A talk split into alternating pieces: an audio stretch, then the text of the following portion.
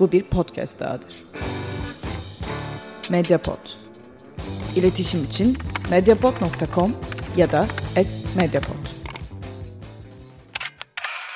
Şipşak'ın 21. bölümünden herkese selamlar. Türkiye'nin ilk fotoğrafçılık podcastine hoş geldiniz. Fotoğrafla alakalı tüm gelişmeler ve fotoğrafçılıkla alakalı bilinmesi gerekenleri bu programda bulabilirsiniz. Geçtiğimiz programda beyaz dengesi nedir ve fotoğrafta ne işe yarar sorusuna yanıt aramıştık. Bu programda da özellikle dijitalleşme sonrası karşımıza sık sık çıkan DPI ve PPI nedir'i cevaplamaya çalışacağım. Hemen öncelikle bu iki kavramı açıklayalım ve fotoğrafçılıkla ilişkisine değinelim. E, DPI, dots per inch, anlamı inç başına noktadır. Inkjet sisteminde bir inçlik çizgiye kaç mürekkep damlasının yani e, noktasının sığabileceğinin ölçüsüdür. Rengin ortaya çıkmasını sağlamak için noktalar bir matris örüntüsüne yerleştirildikleri için DPI görüntü detayının ya da çözünürlüğün bir ölçüsü olarak kabul edilemez. Yani bir ölçüsü değildir. Bizde bu tam olarak yanlış bilinmekle beraber bu yanlış bilginin yayılmasında da özellikle DPI'nin anlaşılmamasını düşünüyorum ben. Öncelikle söylemek gerekirse DPI basılı işlerde kullandığımız bir terim olduğu için yüksek DPI ile işlerimiz baskıda RGB veya CMYK renkleri kullanarak üretileceğinden inç başına düşecek noktaların yoğunluğu o baskının kaliteli olmasını sağlayacaktır. Yani 72 e, DPI çalıştığınız bir baskı görseliyle 300 DPI çalıştığınız bir baskı görselin arasında kalite farkı muhakkak olacaktır. Tabi şunu da es geçmemek gerekiyor. DPI'yi anlamak için pikselin de ne olduğunu bilmek lazım. Piksel bir görselin en ufak yapı birimine verilen addır. Bir piksel yani e, örneğin sadece büyük bir görselde tek bir kare düşünün. Onu oluşturan renkler de RGB yani kırmızı, yeşil ve mavi renklerdir. Bu da bir pikseli oluşturur. O karenin içerisinde bu renklerden bir piksel oluşur. Buna da PPI diyoruz. Pixel per inch yani inç başına düşen piksel sayısı diyebiliriz buna. Dijital görüntü, dijital fotoğraf makinesi ve dijital tarayıcılarda çözünürlük ölçüsü olarak adlandırdığımız PPI, dijital örnekleme işleminin hassaslık ya da gelişmişlik derecesi olarak da düşünülebilir. Biraz önce de söylediğim gibi PPI yerine DPI demek yaygın bir yanlışlıktır. Bunu da akıllarımızdan çıkarmayalım. E, şimdi bu bilgilerin mantığında DPI ve PPI esas alındığında biz fotoğrafçıların bilmesi gereken en önemli şey fotoğraf makinemizin sensör ve bu sensörün megapiksel aralığıdır. Bu ne demek oluyor? E, aslında bu konuya sensörler bölümümüzde değinmiştim. Dinlemeyenler sensörler bölümünü ve sensörün makinemizde ne işe yaradığını anlamak için bölümü tekrar dinleyebilirler. E, o bölümü dinledikten sonra bu bölümü daha iyi anlayabileceğinizi düşünüyorum. Yine de çok kısadan böyle bahsetmek gerekirse sensör makinemizin odaklanmış görüntüyü kaydetmesi için kullanılan elektronik bir çiptir. En kısa tabirle, amiyane tabirle budur sensör. Çektiğimiz görüntünün megapiksel bazında kalitesini belirler. PPI'yi burada devreye sokabiliyoruz işte. İnç başına düşen piksel sayımız sensör boyutunun ve sensörün megapiksel aralığının kalitesiyle doğru orantılı olduğu için bu da bize megapikselin aslında ne demek olduğunu anlatıyor. Piksellenme diye adlandırdığımız bir şey var bir de. Bu bir görselde inç başına düşen piksel sayısının düşük olması halinde gördüğümüz bir şey. Düşük pikselli bir görüntüdeki pikseller görsele bakıldığında ayırt edilebiliyor. Bu özellikle e, profesyonel çalışmalarda istenmeyen bir durum.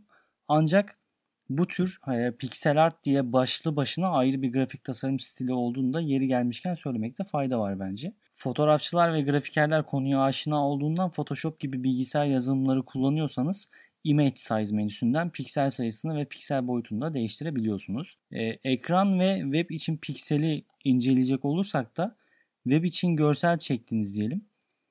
Bu görseli webde kullanacağınız için en düşük 72 ppi ayarlamalısınız ki görsel hangi ekranda bakarsanız bakın kaliteli olarak gözüksün. Yani kalitesi bozulmasın. İşte Facebook, Instagram ve benzeri pek çok sosyal mecralarda en düşük çözünürlük 72 ppi olmalıdır bu yüzden. Ee, şimdi burada tekrar belirtmek isterim ki eğer bir baskı projeniz yoksa DPI ifadesi sizin için hiçbir önem taşımıyor. DPI dediğim gibi en başında da matbaacınız ya da baskı işlemini yapacak kişinin kullandığı baskı makinesine bağlı olarak da değişkenlik gösteriyor.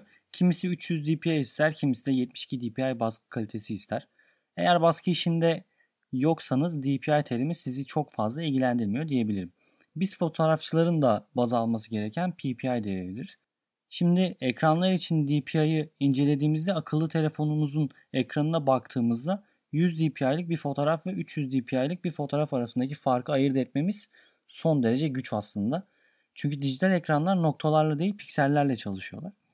Yani web projeler için DPI alakasız bir terimdir o yüzden. Ancak hazırladığınız bir logo hem şirketin web sitesine yerleştirilecek hem de bu logodan kartvizit basılacaksa bu noktada logonun DPI sayısını yüksek tutmanız gerekiyor. Çünkü kartvizit üstünde logonun kaliteli durmasını istiyorsunuzdur muhakkak ki baskıda da kaliteli çıksın. Bir de belirtmeden geçmek istemiyorum. En çok merak edilen 300 DPI nedir abi diye soruluyor. Hani 300 DPI'ın neye tekabül ettiğini soruyorlar daha çok. Çok kaba tabirle anlatmam gerekirse de şöyle. 300 DPI şu. 1 inç yani bir kare için 300 tane nokta demektir. Aynı atıyorum e, 900 dpi nedir diye sorduğunuzda bir karedeki 900 nokta anlamına geliyor. Sonuç olarak şunu diyebiliyorum. Grafik tasarımcılar ya da fotoğrafçıların iç içe olduğu kavramları anlattık.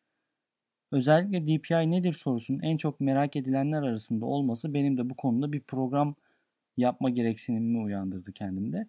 PPI ve DPI arasındaki farkı anlamak bir sonraki projeniz üzerinde çalışırken daha bilinçli ve profesyonel hareket etmenizi sağlayacaktır. Bundan eminim.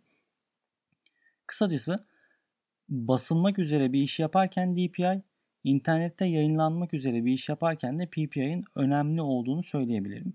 İnç başına düşen piksel ya da nokta sayısı bir çalışmanın kalitesi üzerinde direkt etkilidir. O zaman bu haftalık bu kadar diyorum. Bu bölümde güzel bir konuya değindiğime inanıyorum. E, çoğumuz DPI ve PPI'nin ayrımını bilmiyoruz. Hatta DPI'nin ve PPI'nin ne olduğunu dahi bilmediğimiz oluyor bazen. E, çoğu zaman kullandığımız bilgisayar yazılımlarında karşı tarafın bilgisine yetişemediğimizi fark edebiliriz. Sizden 300 DPI, 500 DPI, 100 DPI, 10 DPI, 72 DPI tarzında veyahut da PPI isteklerde bulunabilirler. Bu da birazcık olsun size e, bilgi niteliğinde bir program olmuştur umuyorum. Herkese güzel çekimler diliyorum. Işığınız bol olsun arkadaşlar.